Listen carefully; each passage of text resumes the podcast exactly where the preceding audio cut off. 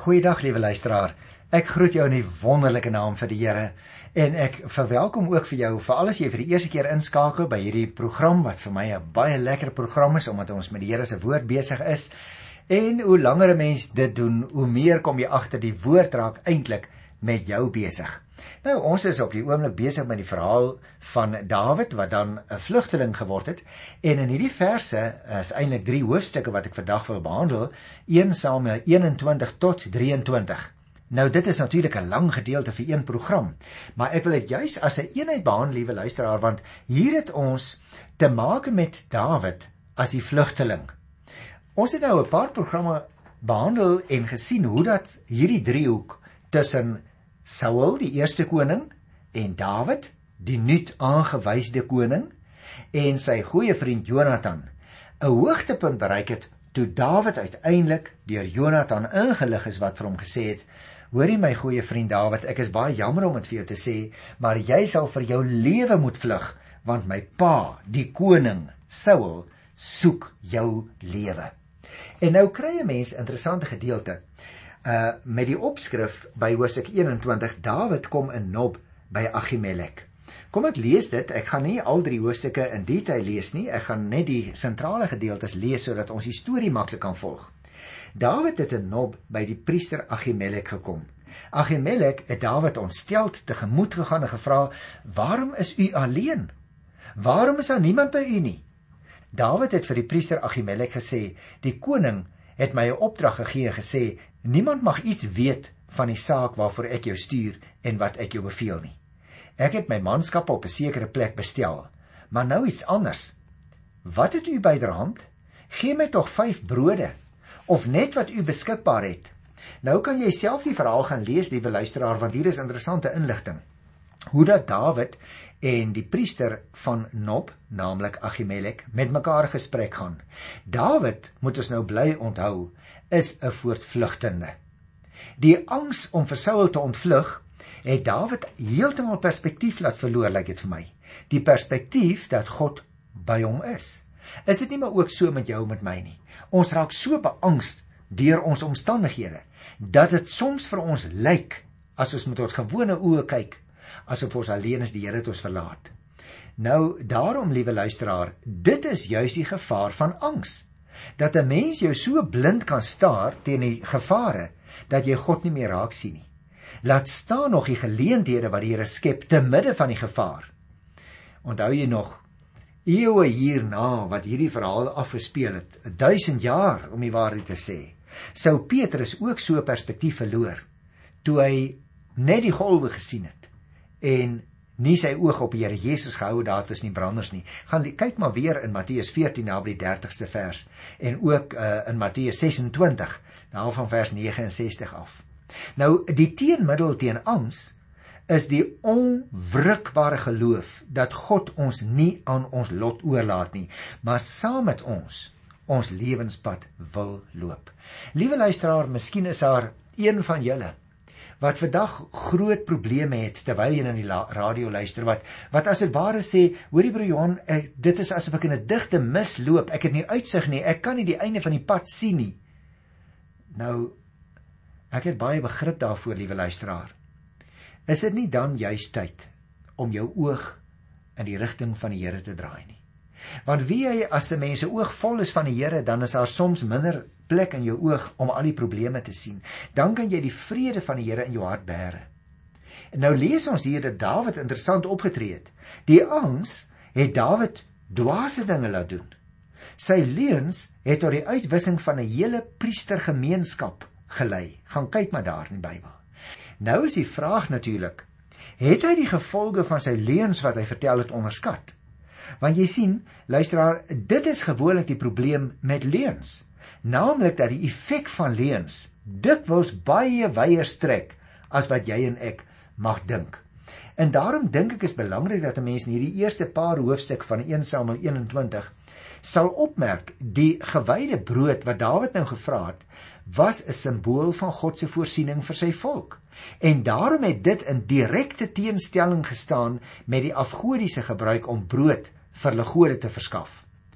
As hierdie Agimelek nou vir Dawid van hierdie brode oorhandig, dan moet ons onthou dit herinner 'n mens as dit ware hoe dat ook later die brood gebruik is as 'n voorbeeld dat God se bepalinge nie wetties toegepas moet word nie, juis omdat God groter is as sy bepalinge. Jy kan gerus 'n slagie gaan kyk in Matteus 12, dan sien jy so baie goeie voorbeeld ook in die Nuwe Testament kry. As ons dus nou kyk na die detail van hierdie eerste paar verse dan sien ons hoe dat Dawid suidoos loop. Hy kom dan daar by Nop uit. Nou Nop dis nakies het gelê halfpad tussen Gibea waarna toe Jonathan uh, is en Jerusalem. Nou in hierdie plekkie Nop was daar 'n heiligdom waar Ahimelek 'n priester was. Hy was 'n broer van Agia wat priester by Saul was. Dis interessant, hè? Nou omdat Dawid alleen is, is Ahimelek nou dadelik ontstel het ons gelees daar in die eerste vers. Wat ook inhou dat hy bang is. En dit blyk ook as jy twee vra wat sy kommer verklank. Hoekom is jy alleen hier? Uh waar is jou vriend Jonathan? Hoekom het jy alleen na my toe gekom? Maar in die tweede vers het ons gesien, hierdie keer beskerm Dawid sy lewe met 'n algehele verdigsel. Weereens 'n mens se lewe is op die spel. Jy en ek kan miskien maklik sê nee, 'n mens mag nie 'n noodleuen vertel nie, want dit is so. Ons behoort nie 'n noodleuen te vertel nie. Maar as jou lewe op die spel is, soos die van Dawid, dan gebeur dit soms. En nou praat hy gou met Ahimelek. En hy probeer, hy probeer sy eie kommer wegsteek. En maar daarmee vertel hy dan ook 'n leuen wat natuurlik nie moes gebeur het nie. Luister na vers 8 en vers 9. Dawid het ook nog van Ahimelek gesê: "Is hierdie miskien 'n spies of 'n swaard bydraand nie? Ek kon selfs nie eens my swaard en my ander se wapens vat nie, want die saak van die koning was dringend." Die priester het hom geantwoord: "Die swaard van Goliat, die Filistyn, vir wie u in die dal by die groot boom verslaan het, is hier, toegedraai in 'n mantel agter die skouerkleed. Vat dit as u dit wil hê, want in hierdie plek is daar niks nie behalwe die een spies." nou liewe luisteraar, Dawid sit natuurlik sonder 'n spies en ook daarin voorsien die priester deels deur Dawid se eie toedoen vroeër. Want Dawid het die Filistyn verslaan, ou Goliat, onthou jy nog die verhaal? Nou die linne skouerkleed waarvan ons ook hier lees, is natuurlik ook deel van Ahimelek se priesterklere. Dit lyk of die heiligdom na die dood van Eli na hierdie klein plekkie Nop toe verskuif het. Nou waarom dit gebeur het, dit weet ons nie regtig nie en ek wil ook nie daaroor spekuleer nie. Miskien is Silo na die oordeel oor die huis van Eli verlaat omdat daar 'n sterk negatiewe boodskap van die plek Silo af uitgegaan het. Maar nietemin, die punt is Dawid gaan nou verder vlug. En nou gaan soek hy, glo dit as jy wil, hy gaan soek skuilings by die Filistyne. Ek lees so 'n stukkie daarvan hier in 1 Samuel 21 van die 10de vers af. Hierna Dawid klaargemaak dieselfde dag nog van Saul af weggevlug na koning Akis toe van Gat. Akis se amptenare het vir hom gesê: "Is dit nie Dawid, die koning van die land nie? Sing hulle nie vir hom in die koordanse nie? Saul het sy duisende verslaan, maar Dawid sy 10000de." Toe Dawid besef wat hulle sê, het hy baie bang geword vir koning Akis van Gat. Daarom het Dawid hom voor die Filistyne waansinnig gehou en terwyl hy by hulle was, het hy hom soos 'n mal mens gedra.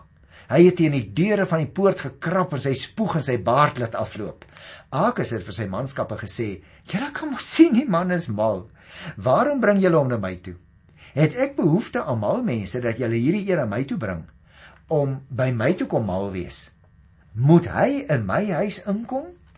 Nou kan jy nou sien hoe tree Dawid op as gevolg van benoudheid, liewe luisteraar. In sy nood om van Saul af weg te kom, vlug Dawid na sy aardsvyand toe, toe die Filistyne.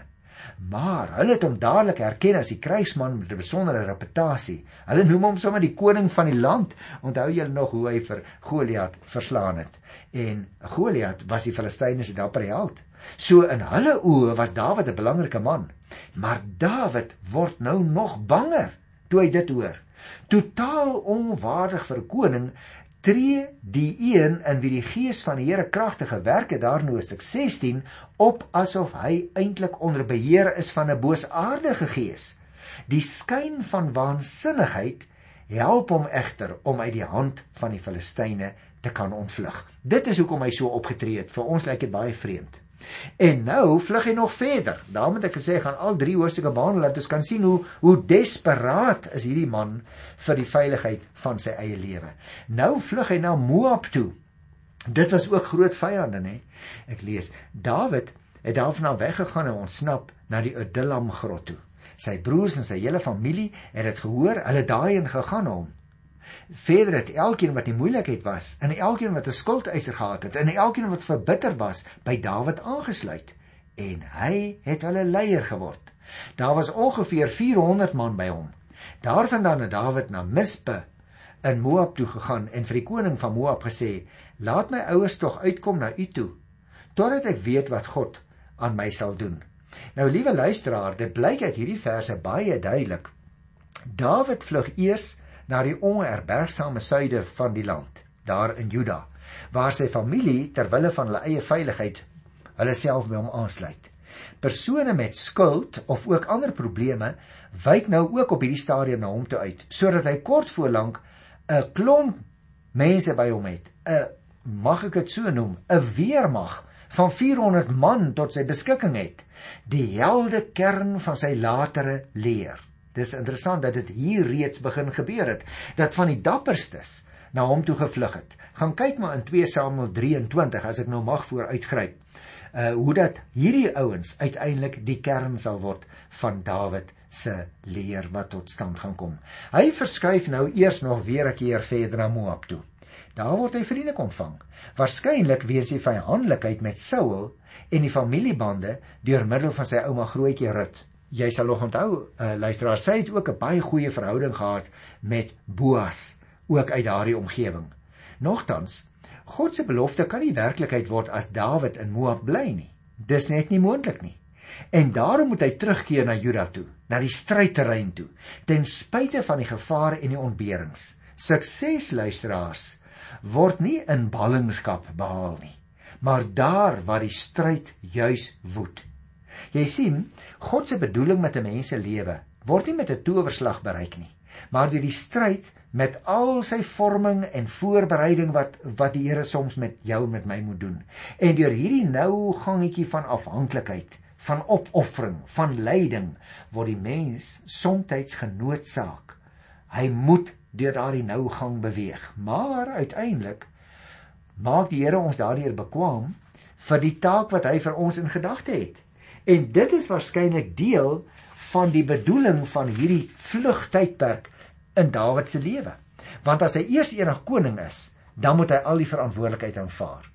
Nou kry ons die baie vreemde en die hartseer verhaal in 1 Samuel 22 van die 6de vers af waar Saul die priesters van Nob laat doodmaak. Want jy sal nou kan dink, né, hoe dat Saul baie agterdogtig was want Dawid het nou kontak gehad met hierdie priesters in Nob. Saul is dus eintlik in hierdie verse tot by vers 10 'n baie patetiese figuur wat ervaar dat sy sekuriteite besig is om te wankel. Want natuurlik het sy boodskappers vir hom die inligting gebring In ons dag sou dit nou seker die geheime diens gewees het, hè? Maar hulle kom sê vir hom koning Saul, ons wil net hê jy moet daarvan bewus wees. Dawid, jy soek nou sy lewe, maar hy's besig om baie populêr te word onder die mense. Saul moes natuurlik ook in sy hart onthou het, dink ek luisteraars, dat sy eie seun Jonathan ook teen hom gedraai het. Dit was dus nie net die volk wat vir Dawid begin aanhang en vir Saul begin verstoot het nie maar sy eie seun het teen hom gedraai en daarom doen hy ook 'n beroep in hierdie verse op sy stamgenote wat direkte voordeel uit sy koningskap trek om hom te steun maar let op ter wille van hulle eie belang. Maar nou is daar 'n buitelandse amptenaar met die naam van Doeg. Ek wil dit vir jou lees hier by vers 9 Doeg die Edomiet het tussen die amptenare van Saul gestaan en hulle gesê ek het die seun van Isaai gesien toe hy in Nob by Ahimelek die seun van Agitub gekom het. Ahimelek het die Here vir Dawid geraadpleeg, vir hom padkos gegee. Ahimelek het ook die swaard van die Filistyn Goliat vir hom gegee. Liewe aarde, hier kom Doeg die Edomiet nou uit met die volle waarheid, die hele sak patats met al die inligting wat nou uitgeskit word. Hy sê vir die koning, die priesters van Nob het Dawid gehelp met 'n godspraak oor die toekoms. Hy het ook vir hom padkos gegee, wapens vir hom gegee. Watter bewyse van hulle betrokkeheid in die opstand van Dawid is nog nodig, meneer die koning? Jy moet baie versigtig wees vir daai priesters by Nob want hulle het vir Dawid gehelp. O, oh, nou ek dink liewe luisteraar, toe koning Saul dit hoor, het hy seker woedend geword. Kom ons lees die verse hier van vers 11 af na gesels ons daaroor. Daaroor. Daarop het die koning gestuur om die priester Agimelek, die seun van Agitub, sy hele familie te ontbied en hulle het almal na die koning toe gekom. Saul het toe gesê: "Luister, seun van Agitub." En hy het geantwoord: "Ek luister, u majesteit." Saul het hom gevra: "Waarom het jy en die seun van Isaai teen my saam gesweer toe jy vir hom brood gegee het en 'n swaard, toe jy God vir hom geraadpleeg het?" Nou jy sien, liewe luisteraar, hier breek die oomblik van waarheid nou aan. Agimelek, die hoofpriester van Nob, sê meneer die koning, ek het in goeie trou opgetree. Maar vir die versteurde koning Saul is dit natuurlik die erkenning van skuld. En hy spreek daar en dan die doodvonnis uit oor die hele gemeenskap van Nob. Liewe luisteraar, geen Israeliet waag dit egter om die hand aan die lewe van die priesters van die Here te slaan nie. Die Edomiet Doeg het egter geen sulke godsdienstige skroom nie Sy uitvoering van Saul se opdrag kom natuurlik weer op 'n toepassing van die banvloek neer. En daarmee is daar wel 'n verdere deel van die godspraak oor die geslag van Eli wat nou in vervulling gaan. Maar Saul het natuurlik ook daarmee die mat onder sy eie voete uitgetrek deur hom van die priesters wat oorgebly het in die lewe te vervreem. Ag, is dit nie verskriklik nie. Jaloesie het by Saul omgesit in agterdog bedrieglikheid en haat. En haat, luisteraars, brand uiteindelik 'n mens uit. Dit stroop jou van alle redelikheid. Jy word 'n selfvernietigende mag teenoor jouself. En daarom is jaloesie en sy uiteinde haat die teenpool van die Christelike liefde. Dit mag nooit gekoester word in ons harte nie. As daar haat in jou hart is, liewe luisteraar, wil ek jou oproep om dit uit te gooi uit jou lewe. Dit gaan jou vernietig. Daarom moet jy daarvan ontslaa raak. En dit kan net op een manier gedoen word, naamlik deur vergifnis. En daarvoor, liewe luisteraar, bestaan daar eintlik net een werklike grond en dit is omdat God ons in Christus vergewe. Kom na die Here Jesus toe. Bring jou lewe na hom toe. Stort jou hart voor hom uit. Vra dat hy die haat wat daar in jou hart is vir ander mense dat hy dit sal wegneem dat hy dit met liefde sal vervang. En daarom kry 'n mens nou hier in die 22ste vers van vers 19 af hoe dat Dawid vlug na Abjatar toe. Die arme man is nog steeds op die vlug. Luister daarna. Ek lees vers 19. Nop, die dorp van die priesters, is met die swaard uitgewis, soos ek nou net vir julle vertel het. Man en vrou en kind en suigling, bees en donkie en kleinvee Maar een seun van Agimelek, die seun van Agitub het ontkom. Sy naam was Abjatar en hy het agter Dawid aangevlug. Abjatar het aan Dawid vertel dat Saul die priesters van die Here doodgemaak het. En Dawid het toe vir Abjatar gesê: "Ek het daardie dag toe ek die Edomiet daar was, geweet dat hy beslis alles aan Saul sou gaan oorvertel. En ek het die lewe van jou hele familie in gevaar gestel. Bly jy nou by my. En moenie bang wees nie." want hy wat my lewe soek, soek ook jou lewe. Maar jy is veilig by my. Jy sien liewe luisteraar, Abjatar vlug nou na Dawid toe. Hy was natuurlik nou een van Eli se afstammelinge. En die enigste manier wat hy die moord wat hy verwag sou gaan doen om al die uh, priesters laat doodmaak, daarom vlug hy nou na Dawid toe. En Dawid erken teenoor Abiatar dat hy aandadig was aan die lot van die priesters. Maar die horlosie kan nou ongelukkig nie meer teruggedraai word nie. En daarom, liewe luisteraar, moet jy en ek dit ook leer uit hierdie gedeelte. Spyt moet voorkom deur bedag te wees op die gevolge van 'n mens se lewe. Jy en ek moet dus versigtig wees dat ons in haat optree teenoor ander mense. Ek dink dit staan baie duidelik uit hier in 1 Samuel die 22ste hoofstuk. En dit bring my dan by die laaste gedeelte van vandag en dit is die 23ste hoofstuk waar ons nou lees hoe dat Dawid Keila bevry het. Nou dadelik wil ek eers sê Waar Saul 'n priesterstad uitroei, red Dawid hierdie klein dorpie Keila, waarop hy in ieder geval nie kan vertrou nie.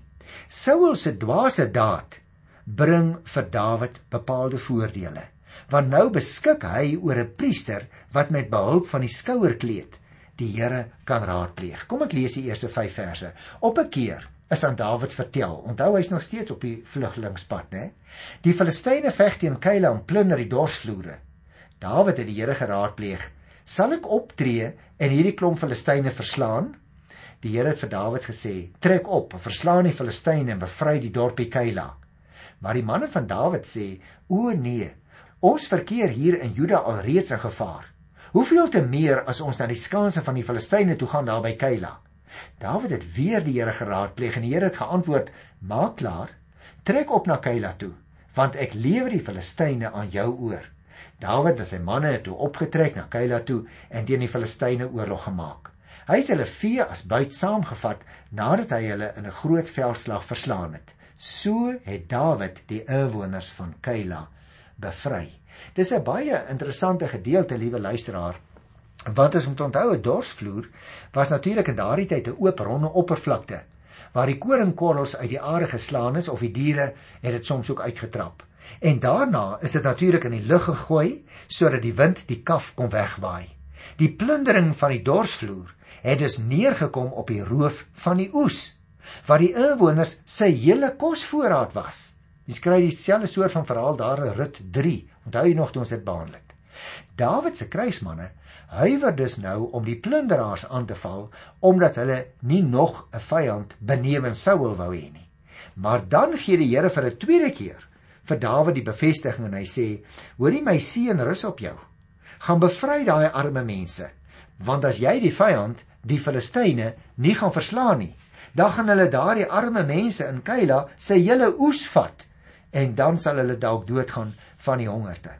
En dan kry ons nou van vers 6 af die interessante verhaal van hoe dat Abiatar wat by Dawid kom skuilings soek het, die Here vir ou Dawid geraadpleeg het. En jy kan dit gerus gaan lees. Ek gaan dit nou nie alles lees nie want dit is 'n baie mooi verhaal. Uh as 'n mens in die Bybel baie mooi daarna kyk. Dawid vind dit naamlik in hierdie gedeelte gerieflik om in die stad te bly vertoef. Maar Saul sien daar in 'n geleentheid om hom vas te trek. En dan besef Dawid dat sy lot dan in die hande van die inwoners kan wees. Sal dit is die vraag wat lewe nê in sy hart, sal hulle hom aan Saul uitlewer ten spyte van sy goeie dade teenoor hulle wat daar in Keile gewoon het. Maar gelukkig is die priester Abiatar met die skouerkreet by hom. En dit stel dan vir Dawid in staat om die Here nog 'n keer te raadpleeg by monde van Abiatar. En die advies is nou dat Keila Dawid wel sou verraai. Met ander woorde, die lot van die inwoners van Nob sou enige ander stad afskrik om Dawid te help en daarom vertrek Dawid en sy hele klomp manskappe wat nou al aangegroei het tot 600 na die Sif woestyn en daar sou hulle dan skuilings soek. Nou liewe luisteraar, as 'n mens na hierdie gedeelte kyk dan is daar ook een of twee goed wat ek ten slotte net vir jou wil uitwys. Jy sien as 'n mens vers 27 lees Daar kom toe 'n boodskapper by Saul en sê: "Maak gou en kom, want die Filistyne het die land ingeval." het jy opgemerk? Daar kom die uitkoms vir die voortvlugtige Dawid. 'n Gebeurtenis wat nie anders beoordeel kan word nie as redding wat van die Here afkom, heeltemal uit 'n ander hoek. Niemand sou dit dink nie. Die Filistyne loods nou sekere aanvalle en nou word Saul ingelig. Jy moet die aandag gee. Die Filistyne is besig op die aanval en dit gee dan vir Dawid geleentheid om te kan ontvlug. En daarom wil ek afsluit met vers 28. Saul het opgehou om Dawid te agtervolg en het die Filistyne tegemoet gegaan. Daarom noem hulle die plek skeidingsrand. Is dit nie 'n mooi naam nie? Dis 'n mooi voorbeeld van etiologie, né? Waar die ou heuweltjie nou skielik 'n baie mooi naam kry na aanleiding van spesifieke gebeure. Wat jy sien die naam skeidingsrand beklemtoon die besondere uitkoms vir Dawid. Hy en Saul is van mekaar geskei deur hulle aardsvyand die Filistyne. Is dit nie ironies nie? Maar daar agter sit die hand van die Here op wie Dawid bly vertrou het. Wonderlike wonderlike God in wie jy en ek glo. is dit nie waar nie. Tot volgende keer. Totsiens.